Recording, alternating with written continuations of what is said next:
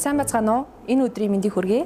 Классика MJL подкастны маань өнөөдрийн зочдоор Өвөр Монголын урлагийн дээд сургуулийн удирдаач Банзрын Лавгсран, Өвөр Монголын дээд сургуулийн төгөлдөр хуурын багш, төгөлдөр хуурч Баян далайн оюун гэрэл нар уралдаа огцолж байна. Та хоёртаа баярлалаа. Миний урилгыг хүлээн авч өнөөдрийн маань зочдоор оролцож байгаад Баярлалаа. За хамгийн ихэнд та хоёр маань өөртөөхөө тухай бас зарим хүмүүс мэдэхгүй байгаа тий. Өөртөөхөө тухай товчхон танилцуулаад өгөөч. Намайг Лавгсран гэдэг. Би хөгжин бүжгийн дунд сургууль гэж байхад одоо одоогоор Монгол улсын консерватор тэрийг хөгжин бүжгийн дунд сургууль байхад нь төгссөн. Дараа нь соёл урлагийн их сургууль сурж байлаа.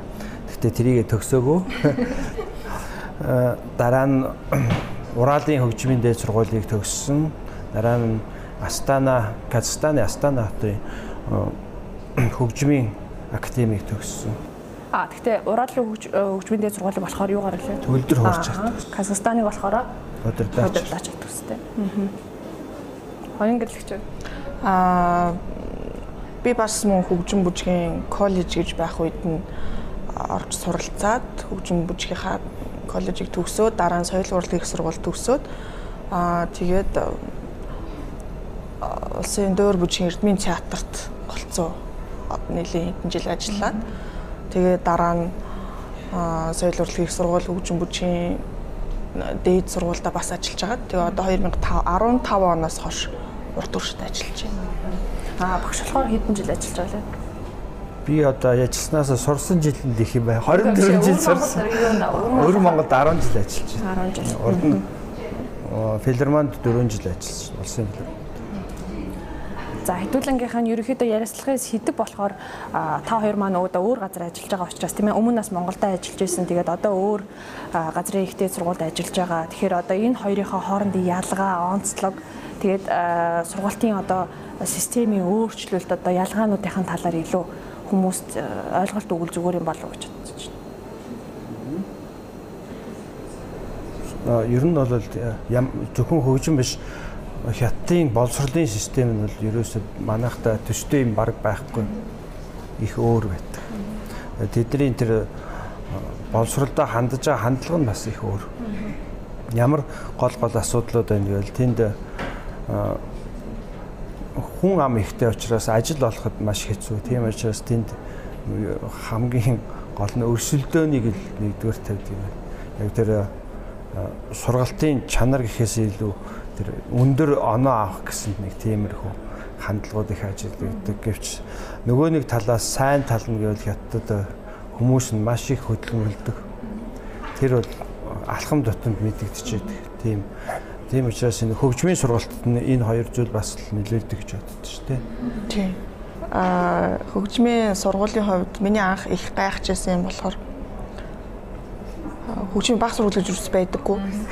Аа хөгжмийн одоо нөө дунд сургууль буюу 7 дугаар ангиас нь хүүхдийг аваад 12 дугаар анги хүртэл нь сургаад аа тэгээд дээд сургуультай хөгжмөөрөө цаашаа үргэлжлүүлж сурч болдог. Аа тэгээд 7 дугаар анги хүртэл хүүхэд яадаг вэ? Бид гайхаад энэ яаж бэлддэг юм бол одоо баг боловсрлоо тий гэсэн чинь ерөөсөө л хүмүүс өөрсдөө хуваарай одоо 7 дугаар анги хүртлээ тий тий сонирхчин журмаар ерөөсөө мөнгө төлцгөөж өөртөө сурч сурж байгаа л Тэгэл хажуугаар нь сонсгол онол гэдэг юм уу те өөр хичээлүүдээ өөртөө бие дааж үзэж байгаа. Яг 7 дугаар ангид одоо урлагийн сургуульд илсэл давлах боллоо гингүү шалгалтаа өгөөл. Яг үнэхэрийн яг урлагаар сурыг гэсэн хүсэлтэй за энэ одоо миний яг авиас одоо энэ муу юм байна гэсэн хүүхдүүд нь одоо орж ирэх магадлал нь айгүй өндөр юм уу гэж би ойлгосон. Ягаад гэвэл бид нар өөрсдөө ч гэсэн мэдж байгаа те нэгдүгээр ангид хэдэн хүүхд цуг ордог үлээ дундаас хасагтаад хасагтаад сүулдэ тэгээд хэд төгсдөг үлээ. Би бол тэрэн дээр сүүлийн үед бас манай сургууль манай Монгол Улсын консерватор те анги дундаас хүүхдүүд авдаг болсон нь айгүй тийм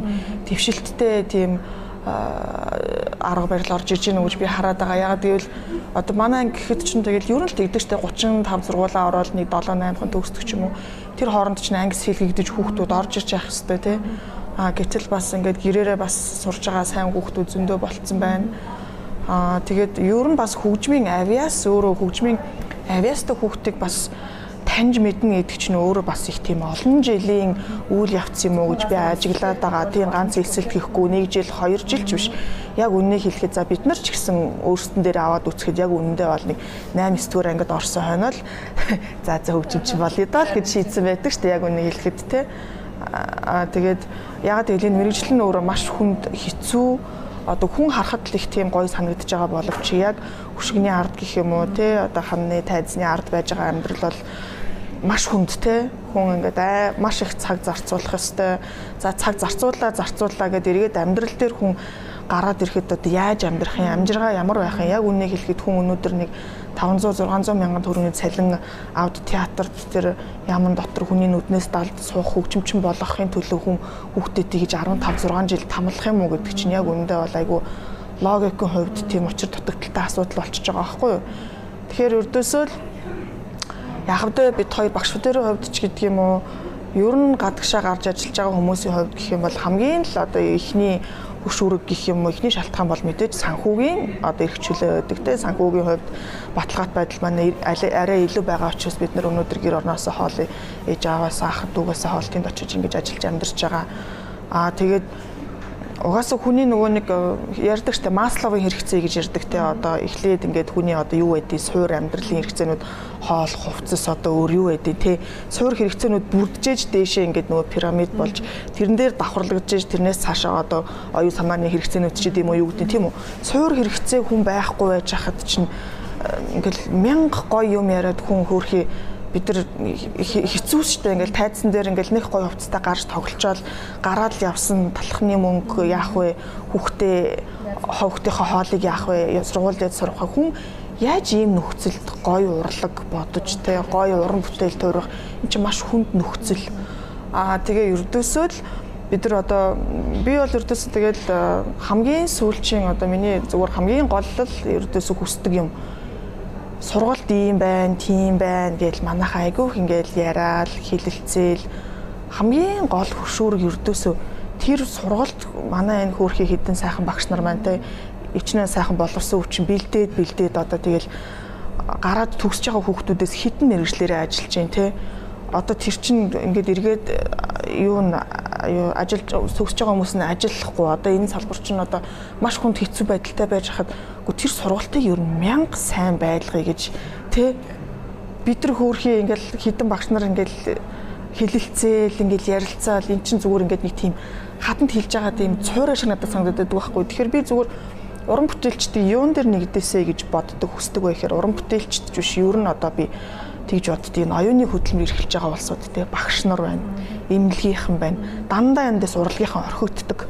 Хитэн театрын. Гэхдээ урлаг дотроо бас маш олон янз байгаа даа шүү.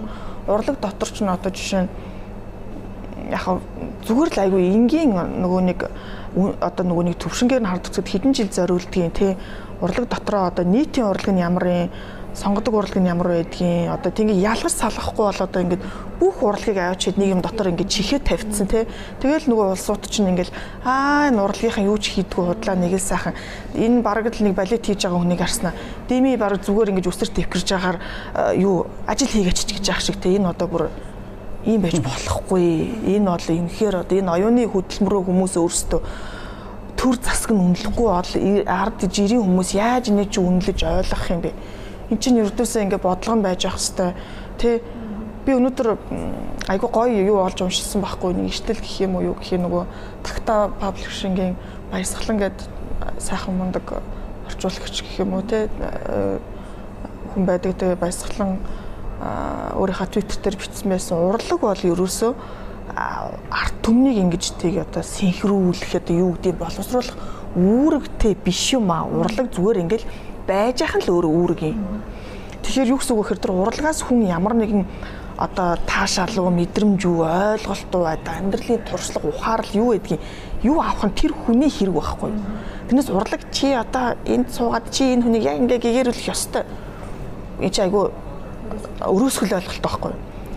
Гэхдээ одоо сонгодог урлагийн салбар зүтгэж байгаа хүмүүс бол оюуны хөдөлмөр эрхэлдэг оюуны салбарын одоо ажилчид гэдгийг бол дэлхийд даяараа хөгжилтэй орн бүгдээрээ хүлээн зөвшөөрсөн өндөр үнэлгээтэй байдаг тийм үү. Аа Гэтэл чин одоо тэгээд миний нөгөө төрний яриагаа үргэлжлүүлэхэд юу гэж хүсдэг вэ гэхээр энэ оюуны хөдөлмөр эрхэлж байгаа хүмүүс юун дээр нэгдэх вэ гэхээр эхлээл юусаа санхүүгийн эрхчлөө санхүүгийн баталгаагаар шаард бүр шаардах хэрэгтэй. Бүр яаж нэгддгийг одоо бүр мэдгүй бүр жагсдагсан уу? Эсвэл одоо хоорондоо ингээд нэг одоо нэг community байгуулдаг гэсэн үү, хуулийн зөвлөгөө авдаг гэсэн үү, санхүүгийн зөвлөгөө авдаг гэсэн үү, бусад хөгжсөн орнуудын одоо тэр урлагийн тэр салбаруудын асуудлуудыг тий тэр менежмент санхүүгийн тэр салбар нь яаж явдгийг юм?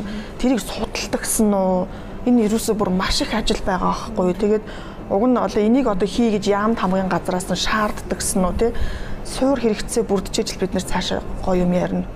Тэрнээс биш одоо хэцүү шттэ яг үнийг хэлэхэд бол А тэгвэл одоо нөгөө соёлын яамт шүү дээ бид нар чинь дахиад тийм ээ. Яг одоо чиглэлийн яамтаа болчихлоо. За тэгэхээр та хоёрын бодлоор бол одоо хамгийн нэгэн шаардлагатай асуудал нь шийдвэрлэх ёстой зүйл нь юу юм бол?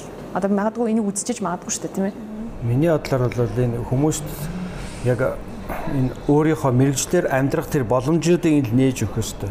Тэр боломжууд нь хуулиар нэгдүгээр зохицуулагдав. Энийг оршин тогтнох тэр үндслүүд нь байхгүй болчихсон. Тэгээд зөвхөн урлаг гэхээр энэ одоо хөгжмийн урлаг гэж бодвол зөвхөн энэ улсын хэдэн байгууллагуудыг л бодоод байна. Тэр байгууллагуудыг дэмжчихээр урлаг нь хөгжиж юм шиг тиймэрхүү бодлоос татгалзаад энэ урлагийг нийлэнхүйд нь томоор нь авч харахгүй болохгүй. Нийтийн. Жишээлбэл одоо би түрүүн ярьжсэн тэр нэмэт хэлчихэд одоо хятадын энэ хөгжмийн боловсролын систем нь юм сонирхогчийн юм шиг харагдаж байгаа тийм биш Энэ бүр хүүхдүүдийг ингээд авиастай гэдэг нь мэдчихэл юм бол аав ээж нь ерөнхий боловсролын сургуулиас нь бүр гаргаад бүр сургах юм болиулаад бүгдийн хувийн хувийн хичээл аваад зөвхөн тэр хөгжим рүү ингээд аваад явчихна. Тэгэхгүй бол тэр чинь хятадын сургуулийг бол хоёр сургууль зэрэг сурна гэх тийм боломжгүй амар хэцүү сургууль. Тийм хүмүүс зөндөө байна. Тэгээд харж байхад энэ хөгжмийн боловсролыг бол бүх хүнд хүртээмжтэй болгоцсон байгаа байхгүй. Одоо жишээл хятад 10 сая төгөлдөр хорч байгаа шүү мэрэгжлийн 10 сая гэдэг чинь юу гэсэн манай Монгол улсын хүн амыг 3 дахин үржүүлсэн шиг тийм их төгөлдөр хорж байна мэрэгжлийн. Тэгээд эн чинь тэр олон хүмүүсийн төгөлдөр хор тоглож сурчгаар чинь угаасаа тэр хүмүүсийн нийгмийн хөгжмийн хэрэгцээ бий болцсон гэсэн. Тэгээд тэр бүр хөгжмийн боловсролын дээр. Одоо манайд ямар юм байна гэхээр ерөөсөө ганцхан хөгжим бүжгийн сургууль тэнд орохоор л хүмүүс хөгжимчин болчдөг гэсэн тийм ойлголт байна. Тийм учраас тэн дээр хүүхдүүдийг шалгаж авдаг тийм. Ер нь хөгжмийг шалгаж авахыг эсэргүүцдэг маш олон тийм улсууд байна шүү дээ. Хөгжмийн боловсрол бол шалгуураар хүнийг ингэж сайн муу гэж ялгаж сургах ёсгүй юм. Бүх нийтээр л сурах шүү дээ. Тийм. Тэр энэ нэг алдаанаас болоод манайд энэ ч ерөөсө хөгжихгүй байгаа. Нэгдүгürt ажлын байр тэр төгссөн хүмүүс хаанаас олох юм? Ганцхан сургууль байгаа ажлын байр байхгүй. Тэгэхээр төгсөгч гарахгүй байгаа шүү дээ. Тий? Одоо хөгжим бүж ягаад төгс Монгол улсын консерватор төгсөх төгсөгч ягаад гарахгүй байна гэдэг чирлэл ажлын байр байхгүй. Хинч ажилгүй ядуу болохыг хүсэхгүй ч дээ. Тэгээд тэр тэр мэрэгжлийн чинь хүмүүс сонгохгүй. Тэгэхээр энийг ерөнхийдөө томоор нь харах юм бол энэ тэр одоо яаж тэр энэ уран бүтээлээр дамжиж амьдралаа авч явах боломж байгаа. Тэр боломжуудыг энэ яам нээж өгөх хэрэгтэй. Тэрнээс ч одоо ингээл тендер зарлал нэг ямар нэг кинонд ч юм уу ямар нэг юмд ингээл мөнгө гаргаж өгдөг тийм нэг санхүүгийн байгууллага шиг тийм болчих юм бол эн чинь яам биш гэж бодод байгаа. Одоо яг эхлээс нь харахад бол надад ер нь э, чиг хандлага нэг тэр яг нөгөө нэг дээр үед байсан яамны нэг чиг хандлагаар явах гэдэг улсаас энэ урлагийг хамааралтай болгох гэдэг байхгүй. Үгүй энэ урлагч нь улсаас хамааралгүй ээж ээж чинь хөгжих хэрэгтэй. Одоо ингээд бүр цензур минзур тавиад эхлэх юм бол тэр чинь бүр болохоо ачиж бүр бид нар дахиад бүр 100 жилээр ухрахаар болох гэдэг байна. Тэсрэгээр хятадыг асар цензуртэй гэж ярьдаг мөртлөө бүр яаж тэр тэрийг одоо хүн болгонд хүртээмжтэй хөгжүүлж чадчихна тий бүр үнэхээр гайхамшигтай. Тэгээд анзаараад байхад бол ерөнхийдөө Азийн орнууд Япон, Солонгос, Хятад гэдэг ингэнгүүт шууд сонгодог урлаг дээр ингээл бүр илт дээшил гараад ирж байгаа байхгүй. Яагаад гэвэл энэ зүгээр бодлого байхгүй тий. Бүр бодлогын чанартайгаар яагаад гэвэл урлагаар дамжуул сонгодог урлагаар дамжуулж чинь улсын нэр хүнд юунууд бүгд эдийн засагч ялгаагүй өсөх боломжтой учраас тэрүүгээр тэгэд мэдээж тэднэрт бол боловсон хүчин манайхтай харьцуулахад тийм боловсон хүчин байсан гэж үгүй шүү дээ тийм ээ. Дандаа сайн багш нарыг энэ тэндээс одоо хөрөнгө зарж иж тэгээд энэ тэнхээ уралдаануудад яг ингээд чиглэл гаргаж иж ингээд дандаа сайнуудыг явуулна гэсэн тий. Одоо манад хүн амын хувьд, улсын хувьд ч гэсэн нийгмийн хувьд ярихад бол мэдээж харьцуулалтгүй л дээ. Гэхдээ ямар нэгэн байдлаар жижиг гэлтгүүгээр ямар бид нэр зохицуул бодлого хийж болох юм. Өөртөөсөө бид нэр хин хин юу хийх боломжтой энэ жишээлбэл тийм ээ. Одоо нэг үеэ бодвол хамаагүй боловсон хүчин манай сургуульд бол нэлээд хангалттай байгаа гэж би бол харж байгаа. Бүр огт ганц нэгээрээ биш тийм. Манай энэ анхун амт харьцуулахад бол хангалттай шүү дээ. Хамгийн гол нь. Тэгээ сурсан мэдсэн газрууд тийм явах юм гарцгүй болтол ингээ яг төгжчлээ л одоо. Харин тийм. Оюун гэрлэгчийн хувьд юу? Багш сая нөгөө нэг ярьсныг өргөжлүүлэхэд ингээд ганцхан одоо хөгжин бүжгээр одоо хязгаарлахдаггүй гэдээ ярьж ирсэн. Энэн дээр ингээд бас бас ингээд үргэлжлүүлээд бас ингээд зохицуулалт хэрэгтэй гэдэг нь одоо бид нар ингээл өдөр тутамд нөгөө нэг анзаардаг юм юу вэ гэхээр бидний нөгөө ой тонд тийм байсан л да. Ганцхан хөгжин бүжигт сурж ижил мэрэгжлийн болдог гэсэн ганц ойлголт саяхны хүртэл байсан те. Тэгэнгүүт одоо ингээд гэрээрээ ч гэсэн хуваараа ингээд багш нар дээр суралцаад сайн сурсан хүүхдүүд байгаад ингээд төвшин ингээд хурж ивэл ингээд орж ир чадж ивэл нь бол маш сайн бас сайн нөхцөл байдал үүсэж байгаа. Нөгөө талаараа ганцхан хөгжин бүжигч одоо юу гэдгийг өөр газараар сурж агаад ингээд соёст бас соёл урлагийн их сургууль бас хоёр л одоо нөгөө сургууль байгаа шүү дээ тийм Монгол Улсын консерватори болон соёл урлагийн их сургууль хоёрхан сургууль уг нь одоо энэ урлагийн чиглэлээр диплом өгж байгаа. Гэтэл одоо энэ дипломныхаа асуудлыг нэг айгүй тийм замбраатай болгох бас шаардлагатай болов гэж боддог. Хэдий гэрээрээ сурсан ингээд хуваараа явж байгаа одоо өөр хөгжин бүжигч хөр газар сурсан хүүхдүүд ингээд гарч ирж ийн сайн хүүхдүүд байгаа ч гэсэн бас сайн биш ч гэсэн байгаа тий. Ян зүрийн төвшний улсууд байгаа. Тэгэнгүүт тэрэн дээр би саяхан нөгөө нэг манай Ануудэр гэдэг нэг охин байдаг шүү дээ. Швейцарт сурдаг. Маш сайн төгөлдөр урч охин байгаа. Одоо манай Анууд Анука бол одоо жинхэнэ гэрээрээ сурж агаад тий соёл төвлөрөлтийн их сургуульд сураад яг мэржийн төгөлдөр уран диплом аваад мөн үргэлжлүүлж Франц, Швейцарт сураад одоо их сайхан амжилттай ажиллаж амьдарч байгаа Швейцарт. Тэгээ ануг манай анууд дарын ярьсан тэр яриан дундаас миний бүр сонирхлыг нэг зүйл маш их татсан байхгүй юу гэсэн гэхээр мань хүн консерваторид сураад магистрийн диплом авсан мөртлөө цэцэрлэгт ажиллая гэсэн чинь надаас багшийн диплом шаардсан гэд те тэр чинь бүх юм айгуугаа замбраатай байгаа байхгүй. А ийм дипломтой бол энд багшлна ийм дипломтой бол энд багшлна. Тэр чи юу гэсэн үг хүмүүсийн гоё сурсан хүн хэдэн жил сурсан төвшөнтэй байж болно шүү дээ. Хүн 4 жил ч сурсан төвшөнтэй байж болно те. 4 жил сурсан бол хөөрхөн гоё багшийн диплом аваад цэцэрлэгт багшлч чинь чи хангалттай хөөрхөн хөгжмийн одоо мэдлэгтэй боловсралтай учраас тэр хүнд одоо ажиллахтаа нөхцөл нь бүрэлдсэн байж байна а 8 жил сурцсан бол одоо бас нэг арай өөр чиглэлэр ч гэдэм үү те бүр 5 6 таагаа сураад 15 6 жил сурцсан хүнийг одоо 4 жил сурцсан хүнтэй яг адилхан диплом өгөөд яваад иж болохгүй байхгүй юм чинь а нөгөө талаар хүн болгонд сурах боломжийг нь өгнө. Одоо өгөх мэдээж шаардлагатай. Тэрнтэйгээ адилхан сурсан хүн болгонд тааруулсан тэр гоё төвшнийг нь замбраатай болгож өгөх хэрэгтэй юм байна гэдгийг би одоо алхам тутамдаа энд ирэх одоо алхам тутамдаа л тэрийг олж харж байна.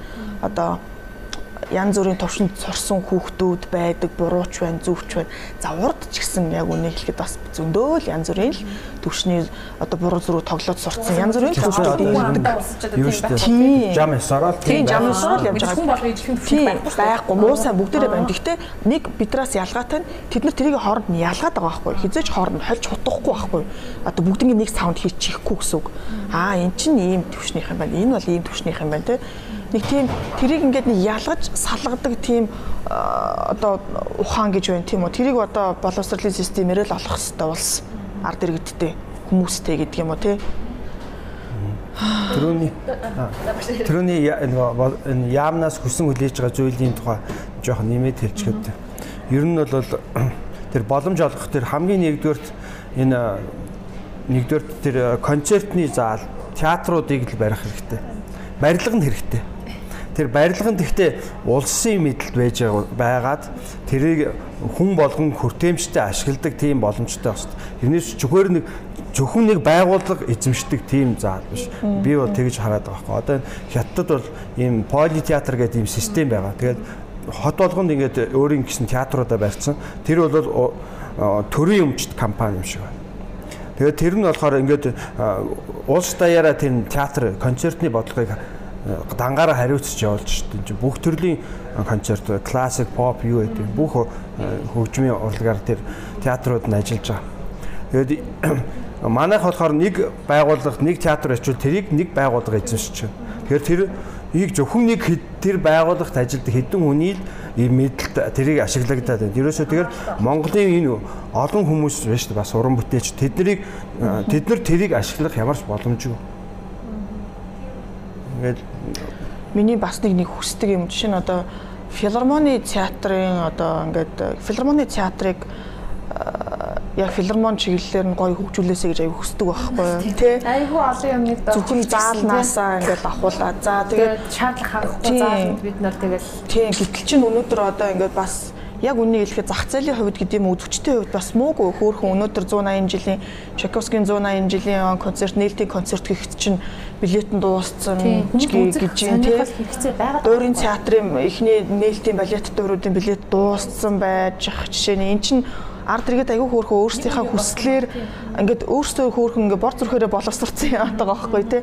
Гой хөрс бүрэлдсэн байж тээ. Ягаад энэ дэр төр засгийн тэр бодлогын яамн жоохон ажиллаад ингээд хідэн уран бүтээлчтэй ингээд нэг зохион байгуулалт хийгээд тий.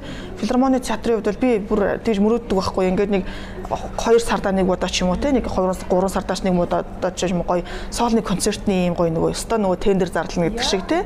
Гой за одоо бид нар тэдэн сард ийм концерт одоо нөгөө яана тогломоор байна. Одоо тэгээд давтсан одоо бэлэн байгаа хүмүүс нь хоорондоо сайхан өрсөлдөд сонгоо шалгаруулалт хийгээд тэрнээс арай гайгүй байгаа нь тэгээд тэрэндээ тоглолдог.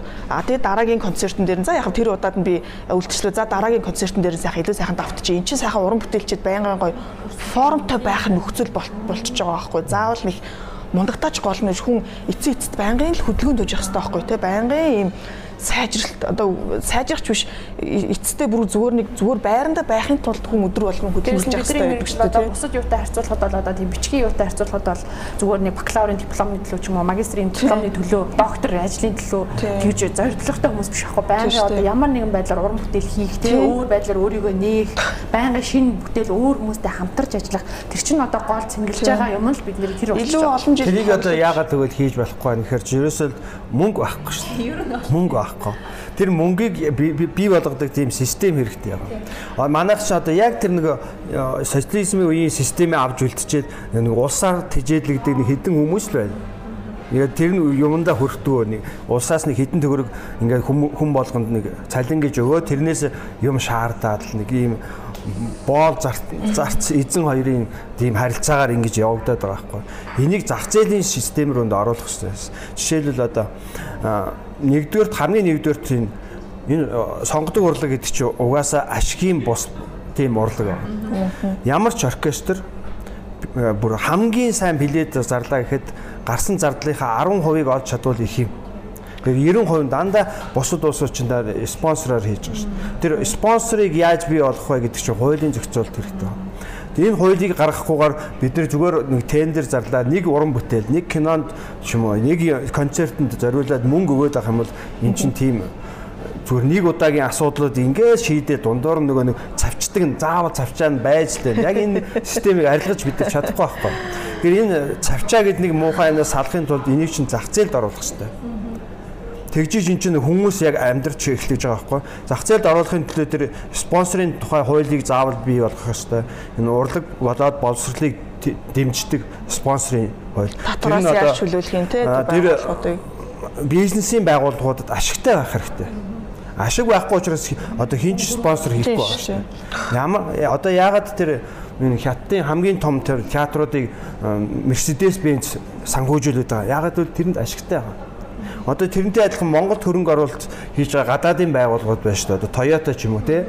Тэднэрт бас нэг ашигтайгаар тэр нэг юм өгөх юм бол тэд нар чинь энийг тэжээгээл явчих байхгүй. Заавал энэ Монголоос авах хэрэггүй. Монголыг сонирхож байгаа өөр гадаадын том том компаниуд байж л байна шүү дээ яг одоо Оросуудыг харсан ч гэсэн яг тийм байгаа ч дээ. Оросуудын бүх концертны байгууллагуудыг хин ивент итгэж байгаа. Орос Оросуудаас ганц нөгөө Газпром юм уу эсвэл тэр Лукойл тэр том компани харин бус нь бүгдээрээ тэр Люфтханза юу Mercedes-Benz бас л тийм дэлхийн монопол компаниуд дэмжиж байгаа. Тэгээд Samsung ч юм уу те. Яг ийм нэг систем байгаа байхгүй юу? Энийг бид нар оруулахгүйгээр энэ мөнгө нь босч ирэхгүй. Улсын төсвөөр тижээлгээд хитэн хэдэн жил цоорхоо амьстай явах. Ерөнхийдөө бол одоо миний энэ төсөл контент санаачил хийж байгаа гол зорилго маань ч гэсэн ер нь юм. Яа тэгвэл бид нар нөгөө мэрэгжлийн хөгжимчд гэл өөрсдөө айгүй өөрөөр бодоод нэг газараа ингээл бүгдээрээ бүхчихэлтэй одоо муугахаар ярихад нэг яган театрда нэг хөгжим бүжигтэй ч юм ингээл хайрцагчаал тэнцэл болоод байвал болоо болчиход байгаа байхгүй. А бид нар өөртөө дуурахгүй мэрэгжлийн хүмүүс нь дуурахгүй бол бидний зовлон хинч ойлгохгүй бидний асуудал хинч хамаагүй. Яг л хэр хэрэгцээ биш байхгүй. Байхгүйсэн ч болно байсан ч хамаагүй хүмүүс. Одоо би ингээ харж байхад ингээ хүмүүс ингээ залуучууд ч юм уу ер нь хүмүүс уран бүтээл уу уран бүтээл хийх гэхээр яадаг Монголд өөрөөсөө мөнгө гаргаж хийдэг шүү дээ. Тэгэд ямар ч ашиг тэр хүмүүс өөрийнхөө нөгөө нэг хэдэн сарын цалин суглуулж гад нэг концерт хийгээд дээрээс ингээд бүр хохиролтой тийм уран бүтээл хийгээд хэдэн жил хүн тэгж уран бүтээл хийх вэ? Харин би яг одоо жишээл оюун гэрлэгчээс суучсан. Жишээлбэл оюун гэрлэгч одоо ингээд сургуулаа төгсөөг байхдаа оюутан байхдаа дараа нь ч гэсэн одоо хамгийн их хийдэгтэй уран бүтээлийн концерт хийдэг те.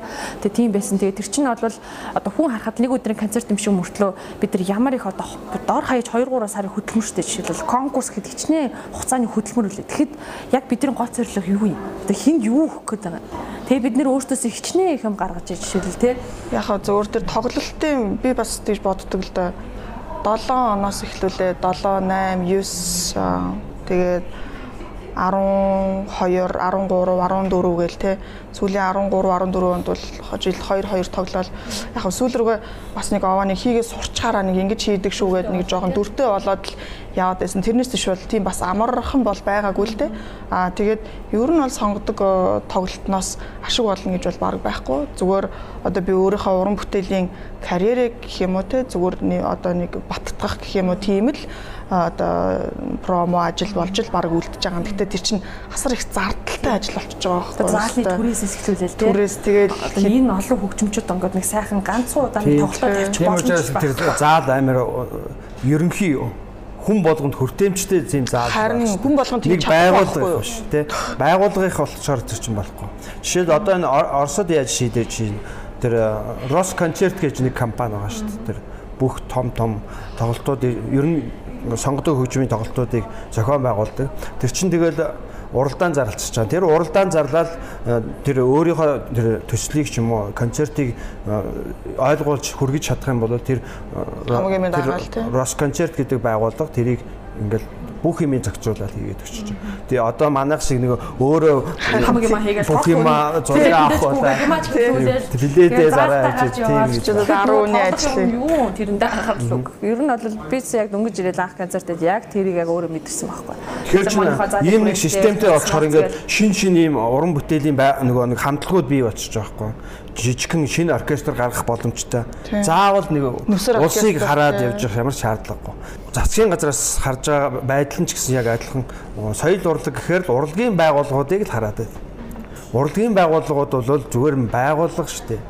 Энэ улсын усаас хамааралтай. Энэ чинь уран бүтээл биш байхгүй. Яг жинхэнэ уран бүтээл тэр чинь уран бүтээлч хүмүүсээс бүрдэж байгаа. Тэр хүмүүс өөрсдөө ингээд чөлөөтэй итгэх гаргаад уран бүтээл хийх тэр боломжил нэгдэх ёстой одоо тэр тоглолт хийн гэдэг бол залуу хүний хувьд өстой асар давагдшгүй том ачаа даваа болж таарж байгаа байхгүй тэ. Гэтэл чин уг нь бол тоглож ээж байнгын формтой байж ээж энэ урлагч нь бас нэг утга учиртай ч гэдэм үү. Те хүн өөрөө ажиллаа цаашид илүү олон жил үргэлжлүүлэх боломжтой байгаад байдаг гэтэл чин одоо зүгээр ингээд нэг зөвхөн хөгжим бүжгийн сургууль дотроо л хоорондоо хэдхэн биеиндээ хоорондоо тоглоол яваад байвал тэр чин одоо бас яг үүндээ бас урлагийн зорилго нь бас гарахгүй дээ тий.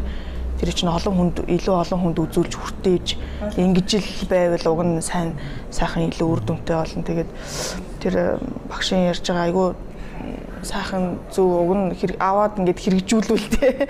Тэр заалны асуудлыг ингээд нэг жоох ингээд эргэлтэнд оруулаад гоё ингээд нэг багууд байх хэрэгтэй байхгүй. Тэр чинь тэр чинь тусдаа шинжлэх ухаан байгаа байхгүй тэр маркетинг менежмент гэдэг чинь те нэг хүн хийж чаддаг байсан бол тэр чинь тусдаа маркетингийн шинжлэх ухаанч гэдэг юм уу одоо юу гэдэг юм тийм шинжлэх ухаан гарч ямар шаардлага байхгүй байхгүй тэгэхээр чин одоо би бас нэг сонин зүйл сая саяхан би сансан байхгүй.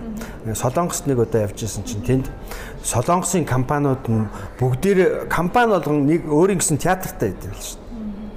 Одоо жишээлбэл одоо Hyundai компани өөрийн гэсэн соёлын төвтэй бүр том театртай. Ингээд энэ бизнесийн байгууллагууд том том компаниуд бүгдээр өөрийн гэсэн театртай. Тэгэхээр тэр нэг энэ ч л бодлого байхгүй. Тэгээд жишээ нь тэгээд барилаа гिच нэг татврын хөнгөлт үзүүлэн үзүүлэгч гэдэг юм уу одоо тийм нэг бодлого байдаг л байгаа ахaltaа яаж ч удсан. Тэгээд савын бэлдээд өчөөл дүүргэх юм бол олдож л таар. Тийм ээ. Одоо жишээлбэл ингээл за би өөр дээр харахад одоо ингээл ирээл хөгжим мүжигт багшлаа. За одоо ингээд харахад бол би 38 цагийн ачаалтай. 7 хоногт. Тэгэхээр чинь миний 5 өдөр дүүрэн дахиад одоо мэдээж хувийн хичээл байгаа тийм ээ. Тэгээ ангууд би 6 өдөр бүтэн ажилтаа. Тэгэхээр би хаагур давтах уу? Би хаагур норм бүтээл хийх үү? Хаагур надад өөр юм бодох, өөрийгөө хөгжүүлэх цаг зав гарах уу?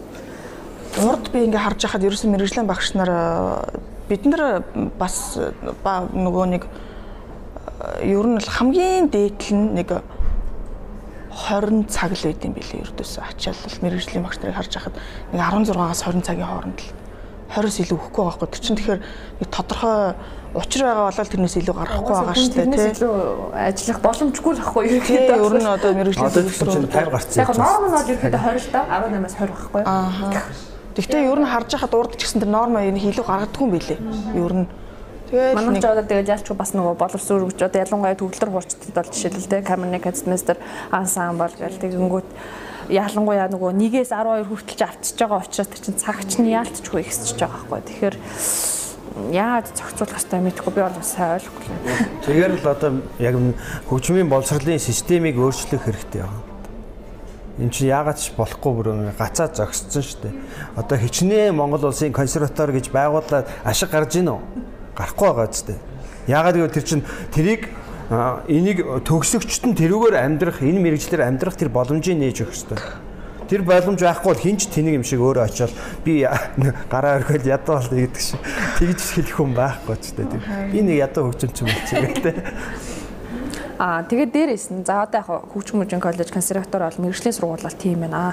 Одоо бусад хувийн сургууль шүү дээ. Хувийн сургууль сургуультууд одоо булан бүрт баг юм нэгтчихлээ шүү дээ. Хөгжмийн биш хүн хүртэл хөгжим заагаад юу л юу дуртайгаа хийе явж шүү. Хөгжмийн мэрэгжлийн хөгжим хөглөөч хүн биш хүртэл бүгдээрээ хөгжим хөглөөл хөгжим зараад юу л бол бизнес бол яаж мөнгө олох ингээд бүр ингээд юу орчлоо шүү тийм ээ. Боловсрол шүү шал өөр юм. Гэтэ энэ бол яг жамаараа явж байгаа. Тэгэх ёстой. Сэдэр чинь амар сэргэлэн энэ системийн алдааг нь олж хараад ажиглаад хийгээд байгаа сэргэлэн хүмүүс аахгүй. Тэрэн дээр бол гэхдээ би илүү тийм уян хата ханддаг. Яг гэвэл зах зээл гэж нэг юм байдаг те. Ерөөсө мөнгө одоо санхүүгийн одоо баталгаатай байдал байж ерөөсө эцэстээ л хамгийн бүх юмны хариу санхүүгийн баталгаанд байдал дээр л ирээд байгаа үст те. Спонсор гэдэг юм уу одоо юу гэдгийг тэгэнгүүт чинь спонсороос гадна яг ингээд жамаараа явах санхүүгийн хамгийн том баталгаа бол ерөөсөө зах зээл. Ерөөсө чи ингээд нэг одоо хин байд нэг уран бүтээлч нэг төгөлдөр уран концерт тоглоход тэрийг хэн байхаас үл шалтгаалаад хідэн хүн үзэж байна л гэдэг чинь л ердөөсөө хүн үзэхгүй байна л гэдэг чинь тэгэл одоо хинч үзэхгүй бол тэр одоо яаж амьдрах вэ те тэгээд тийм учраас тэр зах зээлийг тэр бол зах зээлийг тэлж байгаа маш сайн одоо болон болгонд сургалтын төв байж иг зүгээр зөв одоо чадахгүй ч гэсэн хүмүүс зааж иг тэрийг хин хүн тэр хүн өөрөө тэрийг ухамсараар ялах хэрэгтэй байхгүй. Аа тэгээд нэгдүгürt өөрөө ялгах хэрэгтэй. Хоёрдугаарт бас сонголтын асуудал байгаа. Хүн болгон мэрэгжлийн багшид хуваараа төлөх төлбөрийн чадвар бас байхгүй. Тэгэхээр бид нар ч гэсэн хүртэж ажиллах хүртэмж чадахгүй. Бүртэмж нь үнэхээр хөрөлцгүй. Тийм учраас өөрийнхөө хэмжээнд ч гэсэн багхан ч гэсэн дуртай дуртай юм чинь одоо амсмаар байна шүү дээ. Бас нэг жоохон ч гэсэн цацугаас нь ингээд маажиж мэдэрч үзмээр байна шүү дээ. Тэгэхээр тэр хүн сонголтыг үлдээх хэрэгтэй хүн болгонд сонголт байх хэрэгтэй. А зүгээр тэрийг зүгээр ялгахад ухаантай байх хэрэгтэй. Би сая нэг Чайковскийн тухай ном уншижсэн чинь тэн дээр тэгж байсан. 19-р зууны үед Итали, Франц, Германаас амар олон хөгжмийн багш гэсэн тийм хуурам эхлэгч хүмүүс Оросоор дүүрж исэн гэж байна. Тэгээд тэр чинь тэр үед чинь ямар систем байсан Оросод нөгөө гэрийн асрагч авахдаа төгөлдөр хуурч гэрийн асрагч авдаг гэсэн байхгүй. Тэгээд тэр гэрийн асрагч нь тэр хүүхдүүд нь төгөлдөр хуур зааж өгдөг. Тийм байсан. Тэр үед чинь тэгэл нөгөө нэг Италид хүмүүс амар мундаг төгөлдөр хуурчтай, Германууд мундаг гэсэн тийм нэг ойлголттой байсан болохоор тэрүүгээр дамжуулж маш олон хуурам эхлэгч хүмүүс орж ирж исэн ба. Гэтэ эн чинь яг тэгээд дараа нь ингээд шалгагдаад мэдэгдээд баригдаад алга болчихж байгаа хгүй. Мэргэжлийн төгөлдөр уурчид өөрөө өөрөө өөрсдөө тэднээс ялгаад ингээд жоохон би зөрөгтэйгоор тий одоо би жишээ нь сая 100 тэгсэн шүү дээ. Би би одоо тийм янз бүрийн багш нартай яг үүндээ энэ олон жил сурчаад адилхан үнээр заамааргүй байна гэд нэг тэгэхэд жоохон зориглоодгүй. Гэхдээ тэр нь бол тийм аимшигтай бол үнэтэй биш ээ чаавас тэгээд жоохон ингээд тавьчихсан чинь л өстой. Манай хүмүүсийн гэхдээ бас ухамсар сэтгэхгүй их сонирн байлээ шүү. Ерөөсөө утсаар уцтаж ингээд дарамтлаа загнаад байгаа байхгүй чи ямар балер үнтэй заадгийн чи өстө өөрийгөө юугаа отцсон мотцсон ингээл те. Чи миний ирэх байхгүй юу? Уг нь бол тийм. Тэгээд тэр хүн намайг сонгохгүй байж болох байхгүй юу? А би тэр тэр хүнд бас янз бүрийн одоо чаддаг чаддгүй үнтэй хямдхан янз бүрийн багш сонгох эрхийг нь тэр хүнд байх ёстой гэж бодож байгаа шиг тэр хүн бас намайг өөрөө өөрийгөө үнэлэх эрх чөлөөг юм надад үлдээх ёстой гэдгээ л одоо ойлгоогүй юм хүмүүс маш их байна. Тийм учраас дангаараа ингээд хүн ингээд гэрийн сургалтаар явна гэвэл эн чинь нэг л учир дутагдaltaй юм шиг харагдаад байгаа юм. Яг ийм асуудлууд тэрнээс чинь болж гарч байгаа ш. Тийм учраас хөгжмийн баг сургуулиудыг л бий болгох хэрэгтэй тийм улсын сургуулиуд. Тэр нь байхгүй болохоор чинь ийм асуудал гарч ирээд байгаа юм. Хүмүүсүүд хүүхдүүдээ хөгжим сургах гэхээр тийм боломж олдохгүй шүү дээ. Хөгжим үжих чинь жилд хэдхэн хүүхд авдаг тийм энэ 3 сая хүнээс чинь эдгээр хүүхд авч байгаа. Тэд нэр бас хөгжмийн боловсрол эзэмшмээр байна шүү. Тэгээд э, тэр хүүхэд ямар их боломж байсан хүнийг бид нар ингээд өнгөрөөч байгаа тийм тохиолдол зөндөл байгаа шүү. Тийм авьяастай хүмүүс яг тэрийг хүүхдийг авиасын тодорхойлоод авчих тийм юм гэж байхгүй ч тэр хизээч 100% үнэн байж чадахгүй. Энэ шалгалт гэдэг чинь тий хүүхдийг шалгаж авч байгаа шалгалт бол Тэгээ ядчих хаад энэ хөгжмийн яг ингээд сонгодог урлагийн нөгөө нэг яг төгөлдөр хур хийл виолончелээр ингээд авдаг үндсэн гурваар нь их нэгдүгээр ангиас нь авдаг шүү дээ одоо багаас нь сургадаг хөгжмийн төрлүүд гэх юм уу? Ядчих хаад айгу өндөр өртөгтэй. Тий нэг цаг дээр нэг л хүүхдэд нэг хүүхдэд нэг л багш байна Тэгэхээр чин одоо тэр зөвхөн нэг э, багш одоо нэг цаг дээр нэг л хүүхдэд заах тэр бүх зардлыг улс өөрөө даагаад дан улсын баг сургуулиуд байна гэхээр бас жоохон хүчит дутагдaltaй болчихж байгаа байхгүй улс бол төтөд рүү ачааллыг дийлэхгүй. Тэгэхээр л ердөөсөө мэдгүй тэг ямар нэгэн байдлаар тэгэл мэдээж олон э, юунууд байх сургуулиуд байгуулагдах шаардлагатай. А тэгээд ердөөсөө дахиад хамгийн сүүлийн түлхүүр хүмүүсийн санхүүгийн чадамж. Тэгэхээр ердөөсөө санхүүгийн чадамжтай болгохын тулд эргээл бүх юм дээр эдийн засгийн хөшүүрэг дээр эдийн засгийн асуудал дээр л унж байгаа. Ард иргэд өөрсдөө эдийн засгийн чадамжтай байж аж тэхгүй хүн болгоны өмнөөс хүн болгоны хүүхдийг өнгөө төгөлдөр хор сургаж өгнө гэдэг бол боломжгүй асуудал да. Одоо удирдаач хүний хувьд та одоо энд ажиллаж ирсэн шүү дээ тий. Тэгээ одоо ингээд өөр өөр Монголд ажиллаж байна. Тэгээ одоо хизээ буцаж ирэх үү одоо Монголд ажиллах буцаа тийм санаанд байна уу? Би өөр Монгол руу явахдаа тийм өөр Монгол явъя гэсэн төлөвлөгөө байгаа гэж тийм. Одоо ч гэсэн тэгээ төлөвлөгөө байхгүй л явж байгаа. Буцаж ирэх гэсэн төлөвлөгөө байхгүй. Тэгж байгаа л байдлыг харж байгаа л нэг шийдвэр гарах байх та. Тэгээ ерөнхийдөө бол манад удирдаачийн хувьд гэсэн яг мэрэгжлийн удирдаачийн хувьд бол ерөнхийдөө хомсдолд орчихсон тийм ээ. Одоо манай сургууль сая бол ерөнхийдөө нэг магистраар удирдаач нар бэлтэж байна Тэгээ ингээд харахаар яг одоо мэрэгжлийн удирдаач юу байхгүй болвол тэр оркестр жишээлбэл э, дуурах уу гэдэг чинь бас асуудал тийм ээ. Удирдаач нь байхгүй хахад мянга сайн хөгжимчд байгаад ямар нэмэртэй, мянга газар нь байгаад ямар нэмэртэй. Тэгэхээр яг нэг удирдаач нар ингээд бас ингээд өөр газар ажиллаад ингэхээр наа энд бол жишээл хэцүү дээ шүү дээ. Харамсалтай л амлалтаа. Би одоо тэгж бас бодохгүй. Энэ чинь хангалттай тооны оронтойгоор удирдаач нар ажиллаж байгаа шүү дээ яг тийм дутагдaltaй гэж хэлэхэд хааш. Оронтоо нь бол бүгдээрээ бүрэн байгаа шүү дээ. Хүмүүс ажиллаж байгаа шүү дээ. Аа аян гэрлэгчийн хувьд бол ерөөхдөө одоо буцаж ирэх төлөвлөгөө нь юу вэ? Аа одоо бүр цаашлал гэж бодож байна. Яагаад би тэгж бодсон бэ гэхээр би өвөр Монголд ингээд ирж ажилласан энэ хэдэн жилээсээ энэ хэдэн жилдээ би юу олж авсан бэ гэхээр өөрийнхөө би яг ингээд жигэн байгаа төвчнийг олж харсан. Хүн ингээд нэг нэг яг өмнө нь явахтай өөр олон газар уралдаан тэмцээнд явж л байсан, оролцож л байсан. Гэхдээ ингээд нэг газар удаан байна гэдэг чинь бас айгүй өөр л идэг юм байна л да. Тэгээд би бас өөрийнхөө надад бас өөртөө тийм сэтгэл дундуур ч юм уу тийм явсан үе байсан байсан. Би одоо яг үнийг хэлэхэд залуу жоохон байхад бол яаж игээд нэг гадаад гадагшаа яваад нэг магистр авчих юмсан ч гэдэм үү те тэгэж бодож зорж исэн боловч яалтч бод амьдрал надад тийм боломж олгосонгүй л дээ. Тэгээ би октоосоо гадаадд явж сураагүй дээ. Жоохон сэтгэл гонсгор байдаг гэсэн өөртөө.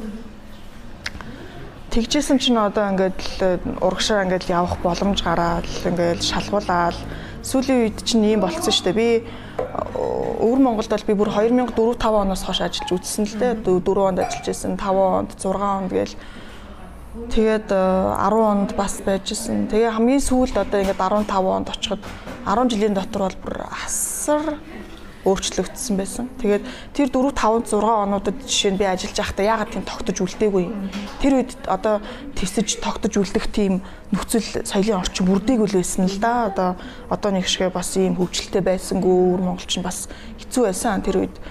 Аа тэгээд сая тэгээд тэр үед бол ердөөсөө тэгэл өө энд нэг багш хэрэгтэй байна гэж явал бол очиод багш очиод ажиллаждаг айгу амархан байсан. Mm -hmm А сүүлд 15 оноос хойш очоод хоёр газар ажилд би 10 эхлээд 15 онд би 90 хотод нөгөө нэг өвөр Монголын багшийн их сургууль гэж байдаг. Бас хамгийн том их сургууль одоо 40 мянган оюутантай сургууль шүү дээ. Багшийн их сургуульч 12 салбар сургуультай. Тэгээ хамгийн отхон салбар нь тэр 90 90 хотод байгуулах гэхэд намайг хүмүүс их гайхчихсан л чи 90 явж юу их гэж байгаа юм гэл намайг Тэгэл бас эхэндээ жоохон хүн амт хэлэхээс ичээлтэй тэнд байгаагаа. Гэтэ мэдээж яг мэдээж цалин мөнгө хамаагүй хангамжтай боломжтой байсан. Нэгдүгээр хоёрдугаарт бол яг би хүүхдээ хятад хэлний боловсралтай багаас нь болгоё гэж бодоод яг тэр жил хүүхэд сургуульд орж ирсэн учраас хүүхдийнхээ боловсролыг бодоод би тийш яхаг зөвшөөрсөн. А хоёрт бол яг угаасаа би цааш хот руу би дэвшиж ажиллах зорилготой л явж байгаа юм чинь яг багаас нь эхлэн штэ ер нь юмыг бол хуучин шигэ биш болцсон юм байна. Лирэний сургууль ч гэсэн тэр их сургуульд ажилд орж хахад намайг шалгаж авч ирсэн. Би бүх талын шалгалт өгч ирсэн. Соолны програм бэлдсэн байсан шууд нот уншуулж исэн, транспорт хийлгэж исэн, шууд хөгжмөнтэй нийлүүлж үзүүлээл, тест бүр исэн буснаар би бүр тэнд очиод үгүй энд ирээж ингэж шалгуулах ч гэдэгтэй гэж бодогдол тий бүр дотроо тэгтэл дотроо тэгэл за цалингийн авмаар л байгаа юм чинь тэгэл байгаа юм чи. Тэгээ дараа нь дахиад 17 онд айгу азтай тэгэл лагуу агш надад тэнд яг юу гарлаа чи ирд сонирхох уу гэд оронтоо гарлаа ирд сонирхох уу гэд очиод мөн л шалгуулсан. Бас л бүх төрлийн шалгалтыг өгсөн. Шууд том концерт тавиал ушуулаад нийлүүлээл тэгэл соолны юм юу бэлдэж ирсэн гээл те. Ерөөсө бүх төрлөөр шалгаж авдаг болцсон. А 10 жилийн өмнө бол тийм байгаагүй. А яагаад тийм болсон бэ гэхээр чинь тэдний бас өгдөг нөгөө цалин хөлс нэмэгдсэн байна тий. Биднэрт санал болгодог нөхцөл бас сайжирсан байна. Хүн тэрнийхээ дагаад шаардлага нь өсөж байгаа учраас тэгээд ерөнхийдөө тэгэл урд бас амьдрал их сайжирсан. Нөхцөл маш өөр болсон. Тэгээд тэрэн дунд тэгээ хоёр газар хоёуланд нь шалгалт өгөөд л яхав тэгэл бас тоогдол хөргий орол ажиллал. Одоо хүртэл явж хахад айгүй олон хүнтэй хамтарч ажиллаа. Тэнд тэгэл миний ажиллаж байгаа сургуульд ирж байгаа төгөлдөр өрөн багш нар бас амар мундаг. Дандаа хятад залуучууд, дандаа германд баруунд мастер хамгаалтсан мундаг мундаг залуучууд Одоо сүүлийн хэдэн жил бол амар өөр. Амар болцсон тий. Шин шин боловсон хүчингүүд бол амар өчтөр бүр хахаж байгаа. Ялангуяа тэр хятадын төгөлдөр орцсноор амар мундаг болцсон. Тэгэл би тийм залуучуудтай ингээд мүр зэрэгцээд ажиллана гэдэг чинь надад бол ерөөсөө бүр ингээд санаанд багтж байгаагүй асуудал байхгүй тий. Тэгээд тэнд ингээд сайхан хөрхөн тогтооход ингээд тогтооход ажиллаад одоо байж байгаадаа бас өөртөө энэ би бол өөртөө биш зүгээр нөгөө нэг энэ Монголын одоо боловсон хүчин бэлтгэх энэ төвшин бол бас тийм ч муу биш юм байна гэдэг дээр би яг одоо бат зогссон одоо манайхан ч гэсэн одоо өөрсдийнхээ боловсон хүчнийг Монгол төгссөн энэ төр гэж бити бас гоочлоорой. Бити тэгэж нөгөө нэг харьцуулаарай. Хүнийг зөвхөн өөрийнх нь хувь хүний чанар чадварыг нь одоо олж хараасай. Одоо гадаад ихсэр ямар сургууль төгсөөд одоо бас тийм яг урдтэлээр хүмүүс зөндөл байгаа шүү дээ. Зөндөө мэддэг мөртөө хийдэггүй гэсэн тийм үү тийм. Яг би бол надад ч бас өөрөө яг сургуульд яваад яг мэдчихсэн байхгүй. Одоо бидний ойлголтоор яг би түрүүнийхээ подкастн дээр бас ярьсан. Орос руу явахгүй шүү. Өөр газар явбал хайшууж явах уу гэл. Яг тэр үед бид нарт нэг тийм суулгацсан байхгүй тий. Оросд биш ч үү тий. Одоо л өөр газар л мундаг гэдээ ойлгоцсон. Яасан юм дээр үгүй. Яг бол би Америк яваад зөндөө олон сургууль шалгалт өгөөд үзсэн байхгүй. Тэгэхэд сургуулийнхаа нэрэндээ биш гол нь тэр багшиг олно гэдэг чинь хамгийн том ажил байхгүй. Тэгвэл би Америкт очиод ингээд төөчлөж тэр том газар тий. Би хаан сайн багш байгаа мэдэхгүй шүү. Надад заагаад өгчихээр өмнөх өөр хүн байхгүй. А Оросд очиход харин жишээлбэл Москвад очиход ингээд яг тоотой байхгүй тий. Тэрэнд тэнд ингээл конс гинэсэн болоо. Тэгэнгүүт ингээд сонголт ингээд хин сайн тэр нь муу ингээд хүмүүсээс яхад чсэн ингээд боломжтой сайн багшаа өөрөө хичээж байгаа тэр багш дээрээ яаж хийж аваад орох боломжтой. Яг наад ойлголтоос ч болж төрж би тэр гинэснэр рүү явах одоо нөгөө хуваараа би алдчихсан алдчихсан мэдчихсэн ч яг энэ миний сонголт байсан. Тэр юугаа мэдчих жоохгүй жишээлбэл. Тэр үед одоо яагаад тийм гэтээ тэр үед бас амьдрал бас хэцүү байсан Оросд. Тэгээ би нөгөө тэр нөхцлөөс найгаад яваагүй л дээ. Яг босод одоо Америк юутай Европтой харьцуулахад тийм амьдрах орчин одоо сайхан супер оюутны байран тийм сайхан жишээлбэл те. Тэгээ тэр үед чи өршөө манаа нөгөө хэд чи айгүй хөөрхөн тэгэл ээж аав нь боломжтой хүмүүсэнд бас явуулж байгаа. Тэр чинь ингээд тийм тэгэл нөгөө богоноор ингээд юу явуулдаг гэх тийм. Мөнгө олох ерөөхдөө боломж байхгүй. Богоноор ингээд шууд 7 хоног болохын явуулдаг. Төмс хүмүүс яадаг ч гэдэм үү те. Тэгээ тэр үед чинь бас амьдрал тийм сайн байгаагүй. Би чинь өөрөө бас ажил хийж ээж аавдаа ингээд тус болдог байсан хүн чинь э, одоо би ингээд байхгүй болоод сургуульд явчихна гэхээр чинь бас ингээд тухайн үед тэгэл нөхцөл нь бүрэлдээгүй ч мэдхгүй тэгэл явж чадаагүй л дээ. Тэрнээс биш би бол гнээсэнд шалгалт өгөөд орс хэлний шалгалтыг надад тэмцээ. Гнээсэн ч байна юу ч байна ямар ч сургуульд очсон нөгөө сайн багшаа олж чадаагүй л бол тэгэл буцаад яг хүн нөгөө суур мэдлэгтэйгээл дуусаад ердөөсөө л тэр хүний одоо хэдэн жил яаж сурсан, ямар багш дээр байсан, юу хийсэн те хэдэн жил ямар ямар програм тоолсон тэр л хамгийн чухал. Хувь хүнийхээ хувьд хэр зэрэг өссөн. Мэдээж хүүхэн өөрөө хүсэл эрмэлзэлтэй байгаас тэр нөгөө өөртөө тэр багшийн цензурыг тавиад өөрөө тэр багш руу орохын тулд хичээгээ те Тэгэхээр тэр байдлаас бол хүнээс өөрөөс нь шалтгаалт юм байна гэдгийг бол би ойлгосон. Яг бол суур үнэхээр муутай одоо шил ойлголт муутай болвол тэнд очиод хүн багшаа одоо сайн муугийн жишрэл ялгаж чадахгүй шүү дээ. Энэ багшаад надад юм өгч чадах болов уу үгүй болов уу гэдгийг ойлголт хүн байхгүй. Зүгээр л энэ сурвал би мундаг олчин л гэсэн ойлголттой бас байдаг юм байна. Ялгааг нь олж ерөнхийдөө олж харсан. Тэгээд одоо гол хийж байгаа зорилго маань ч гэсэн тэр. Одоо хүүхдүүд тэрийг бас ойлгох хэрэгтэй байхгүй. Бид нар мдээгүй жишээлбэл тий. Би бол одоо залуу хөгжимчдөд мэрэгжлээ маш сургуулиа сонгох гэх юм бол тийм л зөвлөгөө өгнө. Сургууль нь гол нь биш, багшийг л сонгох хэрэгтэй. Тэр багш заавал тэр хамгийн сайн тийм тоглооч нар чинь зүгээр л нэг тэр сургуулийг чимдэг болохоос ер нь хичээл заадаггүй шүү дээ. Тэгээд туслах багшаараа л ингээд явсараа дуусчдаг тий. Тийм яг сайн багш нар бүр хаанч байж магадгүй шүү дээ. Бүр хөдөөж байж магадгүй. Хамгийн гол нь хүн тийм нэг өөртөө өөр чамайг нээж чадах тийм хүнтэй л дуулзах хэрэгтэй. Тэр тийм нэг хүн олчих юм бол тэр хүний бүр гутлыг арчиж байгаач болтгоо тэрнээс бүх юм сурах хэрэгтэй. Зарчинж болоод чамаагүй. Заавал тэр сургууль сурахч тийм бүрэн боловсрал олгочдөг юм биш шүү дээ. Тэр чинь зүгээр нэг ажиллах эрхийг л олгож байгаа тийм. Бас хүн болон тийм боломж олдохгүй тийм. Яг тэр тохироо бүрдээч үү, бүүч үү олон нэг сургууль чинь олон янзын багш байгаа шүү дээ. Би бол өөрөө яг тэрийг мэдэрч ирсэн.